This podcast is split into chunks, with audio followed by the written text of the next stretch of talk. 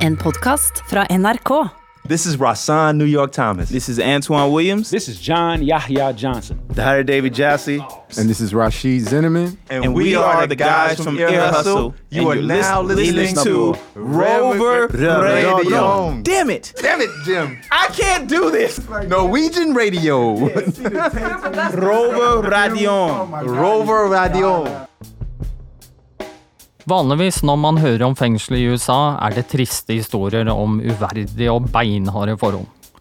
I dag på Røverradioen skal vi ta deg med inn bak murene til et eventyr innenfor amerikansk kriminalomsorg. Mitt navn er Mikael, og jeg står her med Ole på innsiden av Oslo fengsel. Det stemmer. Ja. Ja. Men vi som, vi, som, vi som er straffedømte, Ole, Ja. eh, vi har ikke lov til å dra til USA. Gud vet jeg har prøvd, men uh, Du kan, altså. Det er Ja, jo ja, men det, det- falsk bas, tunnel fra Mexico til USA, ikke sant. Det er jo et hav av muligheter, da. Hvis du er kreativ, ikke sant. jeg tror ikke jeg hadde prøvd det. altså Skrive sånn feil. Nei, nei, jeg er ikke straffedømt, og så kommer jeg dit, og så La Guardia flyplass, og så sender de meg tilbake. Ja, det er Nei, det ikke sant. Men i dag, så, i dag så har vi muligheten til å få litt innblikk i hvordan de virkelig har det i USA. Eh, amerikanske kriminelle røvere. Så i dag skal vi høre om hvordan det gikk da ansvarlig redaktør Mina Hajan, eh, redaktør Martine Rand og daglig leder Knut Erik Vold besøkte vår broderredaksjon, podkasten Air Hustle i San Quentin State Prison.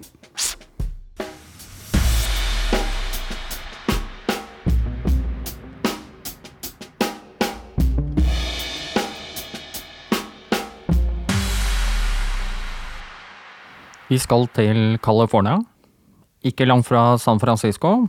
Her har en liten gruppe mennesker laget amerikansk historie ved å produsere og sende ut en podkast om livet på innsiden av et amerikansk fengsel. Eller i et amerikansk fengsel, Mm.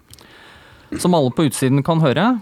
Eh, og navnet på denne podkasten er Air Hustle. Sånn som i øret, ikke sant? Ja. Jeg trodde det var sånn som luft. Skal du prøve å selge meg luft, tenkte jeg. Eh, nei, altså Jeg vet ikke hva man skal, eh, hva man skal oversette hustle med direkte til, til norsk, da. Men eh, på et eller annet vis så skal det påvirke deg, i hvert fall. Det, det er helt åpenbart. You're now tuned in to San Quentin's Ear Hustle from Radiotopia. I'm Erline Woods. Erlon is serving a 31 year to life Denne podkasten som de gutta snakker om, har eksistert siden 2017. Og har eh, ja, mange flere millioner Flere millioner lyttere enn oss. Ja, men du kan vel ikke akkurat sammenligne. Amerikanske eh, forhold er jo mye større, og ikke Ja. bare det. De prater jo på engelsk, og de når jo egentlig Mange hele verden. flere. Ja, Og vi er bare sånn seks millioner her i Norge. ja, eh, fem millioner, da. Fem. Oi. Hvordan et sånt program får lov til å eksistere under amerikanske forhold, eh, med tanke på at man er i fengsel, og at de i det hele tatt får lov til å Tenk på kriminalomsorgen, ikke sant. Ja, ja. Ja. Hvordan de får lov til å sende en podkast som Sånn som de har i USA, det er bare helt sinnssykt. Det er, jeg syns det er bra. Um, og hvordan det hele tatt skjedde, kommer vi tilbake til. Men eh, først må vi høre fra det viktigste av alle, nemlig de amerikanske røverne. Helt riktig. Og da må vi inn i et amerikansk fengsel. Nå sitter Mina, Martine og Knut Erik i en hvit råbil som de har leid for anledningen, og de skal inn i fengselet. Det er litt synd at vi ikke kunne vært der og, og passa på For de er jo litt streite folk, de i Røverradioen. Um, og de skulle møte opp i fengselet, men det gikk ikke helt etter planen. Nei, Nei. det gjorde de ikke. Kjører vi kjempefeil? Jeg må finne et sted hvor jeg kan snu. Ja. Det her Eh, det, Nå begynner jeg å bli skikkelig stressa igjen. nå. ja. Nå må vi bare finne et sted eh, hvor vi kan juksesnu, for vi har kjørt feil. Ja, og vi begynner å få dårlig tid. Og Knut Erik svetter ut av ørene. Ja, det gjør jeg vel ikke ennå. Nei, det gjør ikke det For vi er sånn fire minutter unna. Det er lov å Vi har sett fengselet. Mm. Kan vi ikke si sånn Oh, oops, we didn't recognize it. eh." Jeg Ja, men hvis- er lovlig. Altså, Hvis de er så jævlig strenge som jeg tror de er, da, så er det ikke sikkert det er greit at vi kommer for sent. Nei. Men hun Nigel møter oss. Eller? Jeg vet ikke. Bare går vi inn og ringer på. Vi går og ringer på, vi, og så ser vi hva som skjer. Ja. Hello, we are from River Å, jeg liker ikke å være sent ute. Nei, det er verste jeg vet, og jeg får, begynner å få skikkelig Nå kjenner jeg deg i et eller annet sted inni meg. Ja, skal vi ta en spansk en, kanskje? Ja. Her. Da bør du forte deg veldig, for det kommer bil bak oss. OK, OK. Ja, ja, ok, fort. Det kommer en bil til.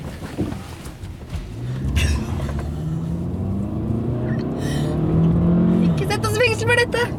Det er 35 er og jeg kommer opp på 35. Ja, ja, ja. OK, er det lov å kjøre til venstre her, da? Det er ikke lov å ha U-sving.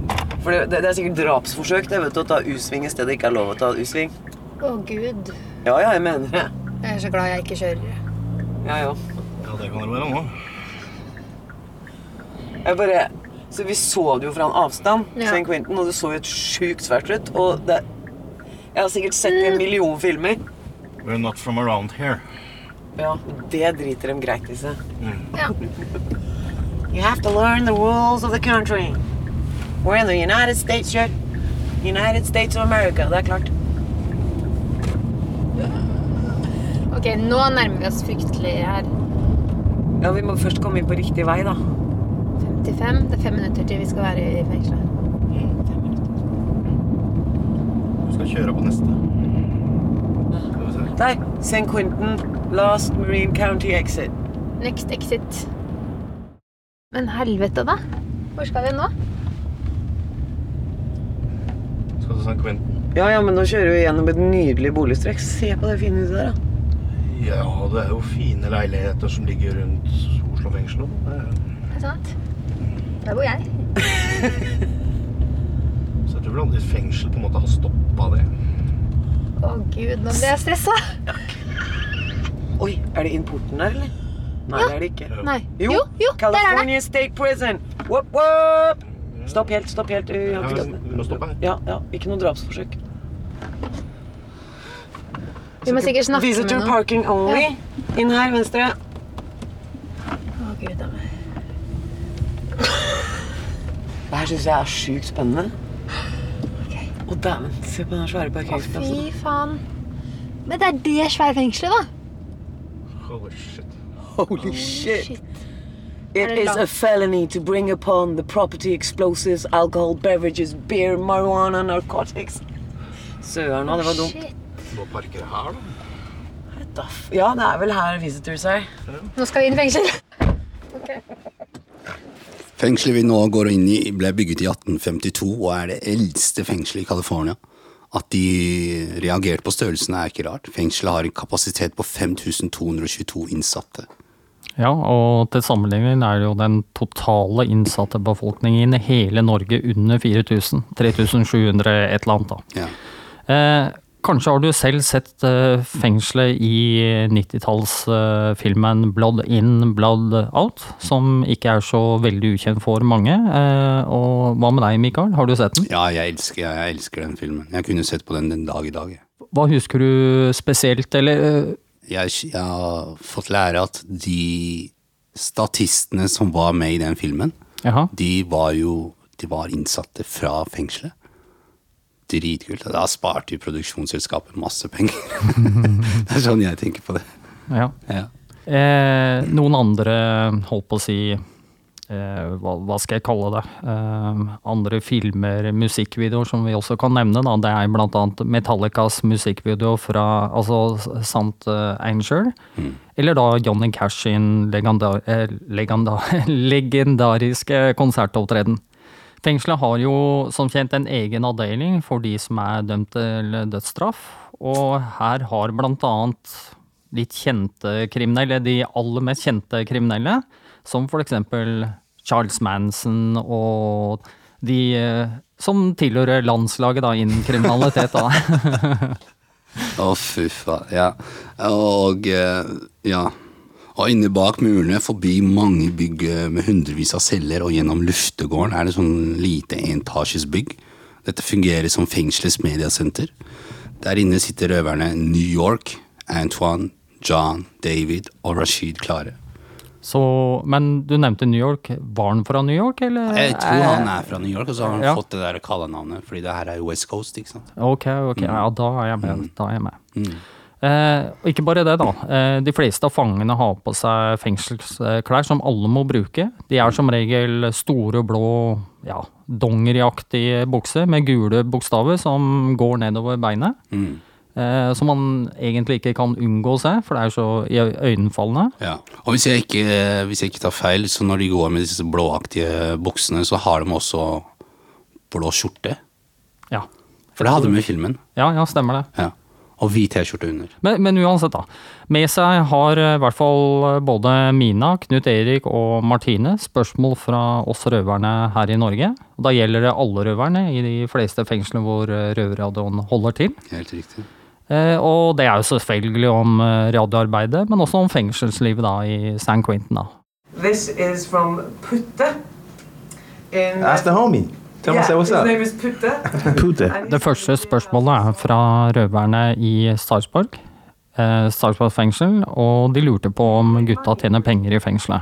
Um, I make $36 a month. I don't make anything. Eh, Da svarer han ene at han ene ikke tjener noen ting, mens det er noen andre der som tjener 36 dollar i måneden.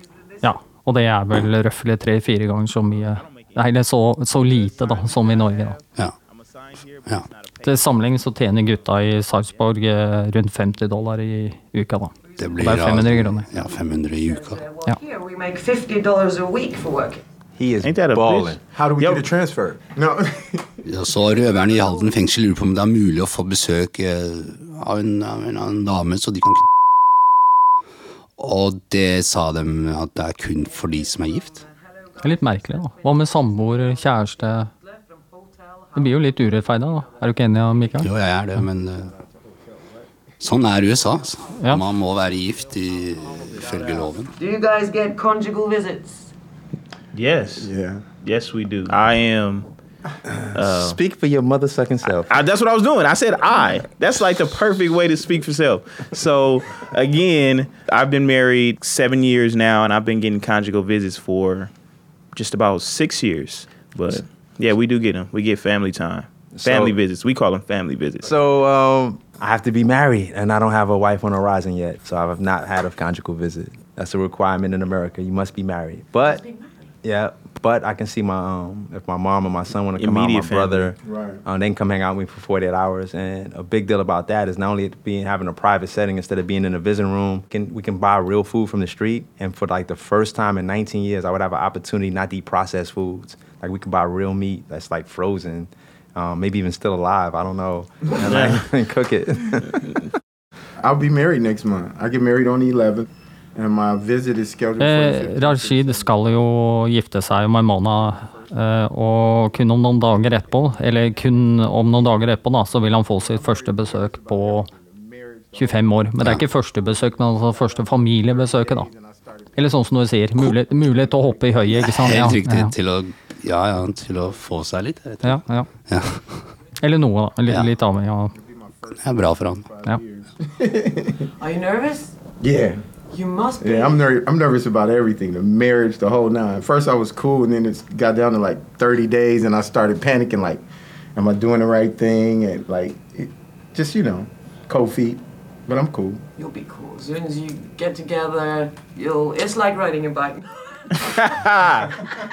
Okay, I'm gonna hold you to that. Like, I, I thought I knew how to ride a bike. Gotta put them train wheels on, point. Yeah. Og selvfølgelig, da, så må jo kongen av alle spørsmålene som man kan stille en innsatt, stilles. Er det farlig å miste såpa i dusjen, eller miste noen mynter, da? Uh, no, Absolutely not. Nah, nah. But there is a technique about picking it up just for comfort. You got so the showers, like the literally the person sh- showering next to you is about a foot and a half away, and so you don't want to be bending down and being have your face in the wrong place. So you got to kind of kick the soap away from everybody. Og, det her, og her sier en av gutta at de, de, har en, de har en veldig spesiell teknikk. De, de, de sparker den litt sånn bort, fordi de er, de er flere, gutter, flere karer som dusjer sammen. Ja. Her dusjer vi bare én og én. Ja, og det, det er stor forskjell på et fengsel i Norge og Amerika. Her Mm. i Norge så har vi mulighet til å dusje privat. Ikke bare mulighet, det er, Mm. Det er- sånn det er det bare. være sånn, ja. Så det de gjør, er at de, de sparker dem bort eh, litt sånn bort fra alle sammen, og så ser de seg litt rundt, og så bøyer de seg ned med knærne. Men det er liksom ikke sånn at jeg presenterer rumpa og sier her, vær så god, liksom, kom inn. You squat. Use the knees. You squat. You don't bend at the Yeah, you waist. squat. You don't want to get. You don't want to send the wrong signals. It's just like you know if, if you've ever seen a, a, a lady in a skirt like drop her keys, how they bend down like that. Bop. Ja, som han sier, så er det akkurat som en dame med skjørt diskré eh, bøyer seg ned og plukker opp noe fra bakken. Et veldig kort skjørt. Veldig kort skjørt. Miniskjørt. Ja, sånn på siden. Ja. Ja. Just like that. That's how you. That's how you do it. You know. You don't. Again. You don't bend at the waist. What are you crazy? You don't even. That's like it's nothing, nothing's gonna happen, but you still don't just advertise yourself like that. Yeah, and it's rude. Yeah, you know what I'm rude. saying? It's like I'm in the shower too.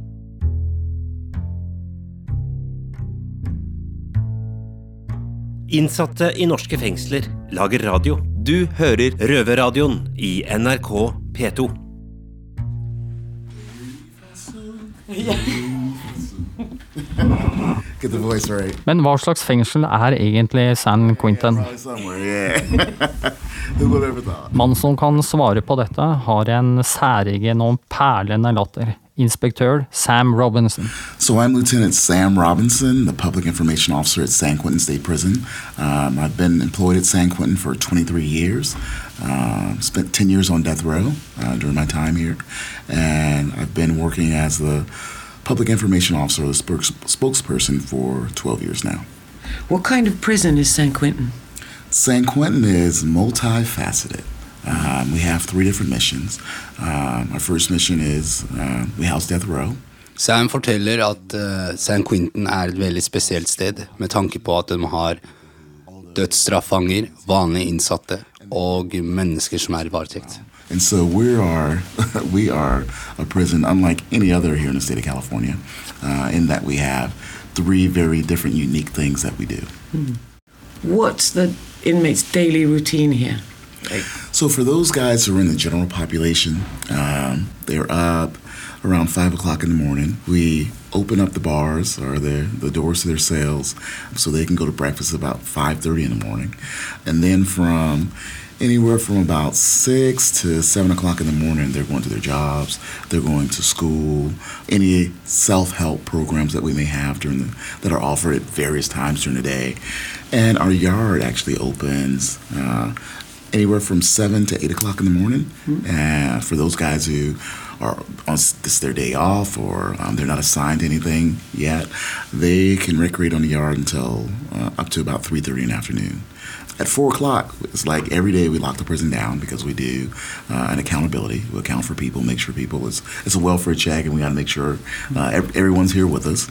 Uh, that takes about a half an hour, and after that clears, we release for dinner and recreational opportunities, uh, self-help groups, college, uh, just anything that's you know that's available in the afternoon hours, all the way up until 8:30 in the afternoon, when we essentially close the prison for the afternoon. En vanlig dag i fengselet består av at celledørene til gutta blir låst opp eh, fem. Så kan de dra til mathallen og spise frokost halv seks. Så mellom seks og sju drar de innsatte på jobb, skole eller noe annet. Halv ni, er det, halv ni på kvelden er det tidspunktet de må være tilbake fra luftegården, og klokka ni på kvelden må de være tilbake på cella. De styrer egentlig bevegelsene sine innenfor murene selv, så lenge de melder fra og dukker opp når fengselet har opptelling. Sam sier denne ordningen fungerer fordi de innsatte vokser med ansvaret. Med andre ord, de har ansvaret for seg selv. Kjempebra. I don't know if we see it as progressive. It's just what we what we do. yeah, it's how we operate. Can I just ask you, is San Quentin, is it kind of a unicorn? Or is it a lot of prisons in the US that's like you guys? Uh, I would like to say that we're a unicorn. Uh, but there På spørsmål om fengselet er unikt eh, innenfor amerikansk kriminalomsorg, er svaret ja. Det er en enhjørning. But there are a lot of prisons that were doing a lot of different innovative things. Um, like we begin a coding program here. You know, we don't have our inmates don't have access to internet at all. Fengselet har 90 selvhjelpsgrupper eh, og 3000 frivillige, som eh, mange av disse er tidligere innsatte. Og så har de veldig bra samarbeid med store selskaper eh, som holder til f.eks. i Silicon Valley. They created a tech incubator here on site at the prison where we're teaching guys who've never even touched a computer. Um, we're teaching them how to code. And those guys have left the prison and have found meaningful employment to take care of themselves and their families. Uh, some of them make more than our staff here uh, with the training that they got on site here at the prison.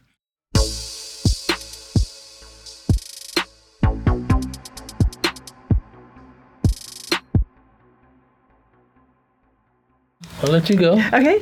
Nå skal vi prate med de som startet det hele, altså startet podcasten. Uh, my name is Nigel Poor, and I am the uh, co-creator, co-host, and co-producer of Ear Hustle. My name is Erlon Woods, and I am the co-creator, co-host, and co-producer of Ear Hustle. Yep, we started this together. Yep, that's what we did do. Nigel er kunstner og har mange år eh, jobbet som frivillig i fengselet. Eh, Ørland har til sammen sittet over 27 år i fengsel. Sammen startet de og Antoine, som du allerede har hørt fra, Air Hustle. There's a long story It's to just this. kind of a long story, yeah. Um, I started volunteering in the prison in 2011, teaching for the Prison University Project, teaching history of photography class. And I did that for three semesters, and through that, I met a guy. Mikael, vet du hvorfor, eh, eller hvordan de starta podcasten? Um, Det var sånn at eh, hun Nigel eh, hun ville gjøre noe nytt eh, med disse innsatte.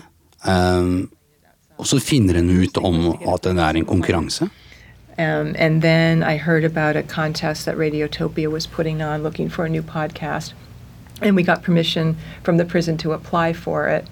And out of, it was like a eight month process. It took a minute, but I know it was like out of 1,537 other teams in 53 different countries, uh, we made it to the top 10, Mhm. which was sweet. and significant. Ja. Eh, konkurransen, da, bare for å klare, klare litt, så var det da på bakgrunn av et, et produksjonsselskap som utlyste konkurranse, hvor du Mhm. var på jakt etter eh, eh, nye podcaster, Ja. med da distribusjonsrettigheter da gjennom dem sitt distribusjonsnett. da. Yes. But how did you get the prison on board?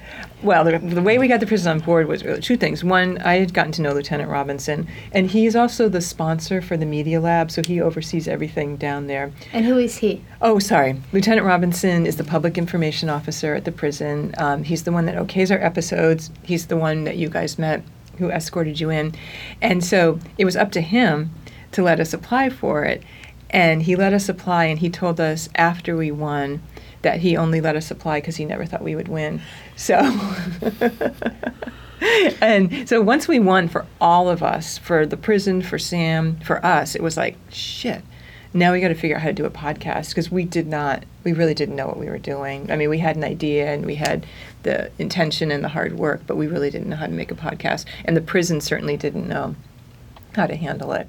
Men hadde de ikke vært inne på dette her og lage eh, podkast på et vis eh, Jo. litt før konkurransen, eller før de fikk høre om konkurransen? Jo, også, også før de hadde begynt å, på lage oppsettet for den podkasten, så finner hun ut om den konkurransen. Hun går til fengselet og spør hei, kan vi melde oss på.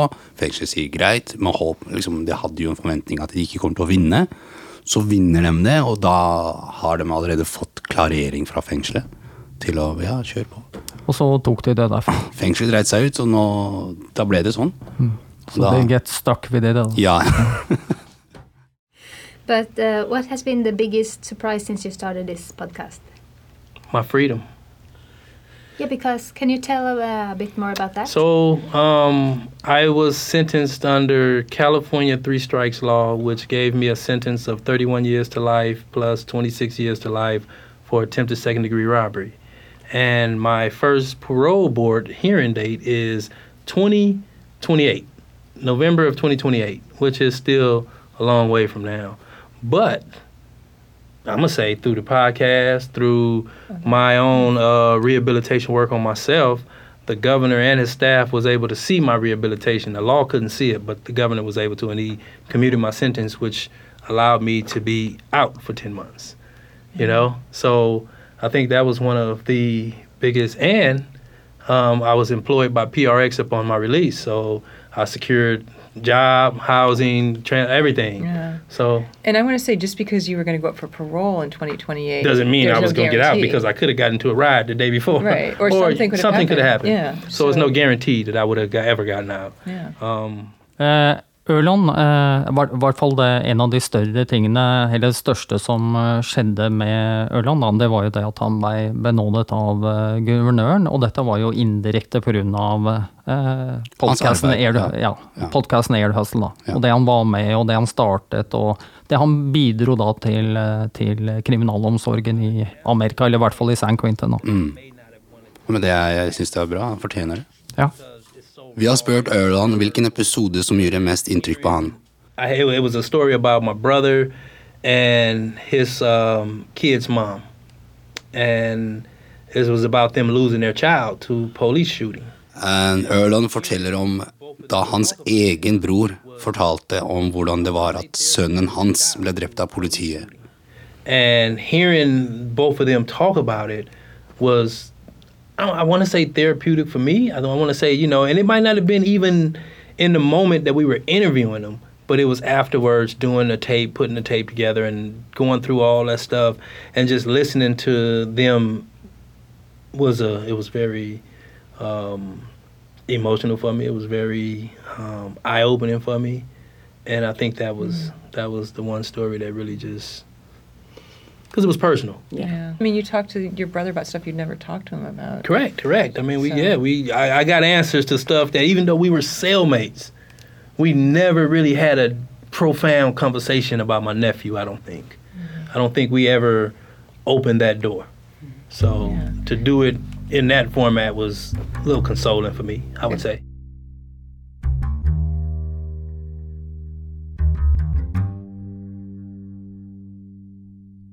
Til slutt lurer Mina på om de har lyst til å si noe til oss røvere i norske fengsler.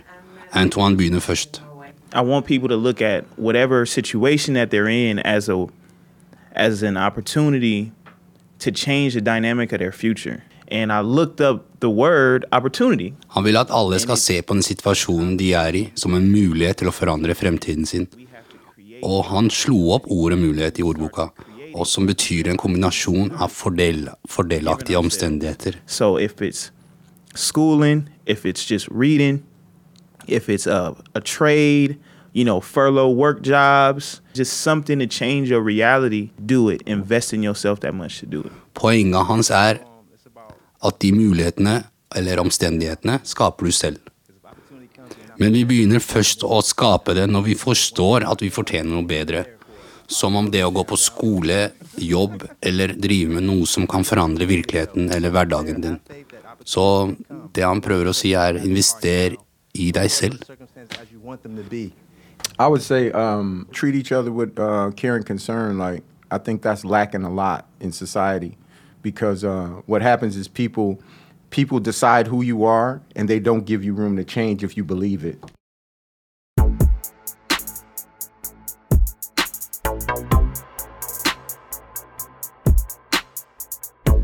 Ja, da var det alt vi hadde her fra Røverradaren i dag. Vi Ja. er tilbake neste uke som vanlig. Som vanlig. Jeg syns det var en ganske bra sending. Jeg lærte mye nytt om amerikanske fengsler og hvordan gutta gjør det der. Ja, absolutt. Ja. Eh, Takk for oss. Takk det er. Mikael. og det er Ole. Røverradioen er laga for og av innsatte i norske fengsler. Tilrettelagt for streitinger av Rubicon for NRK.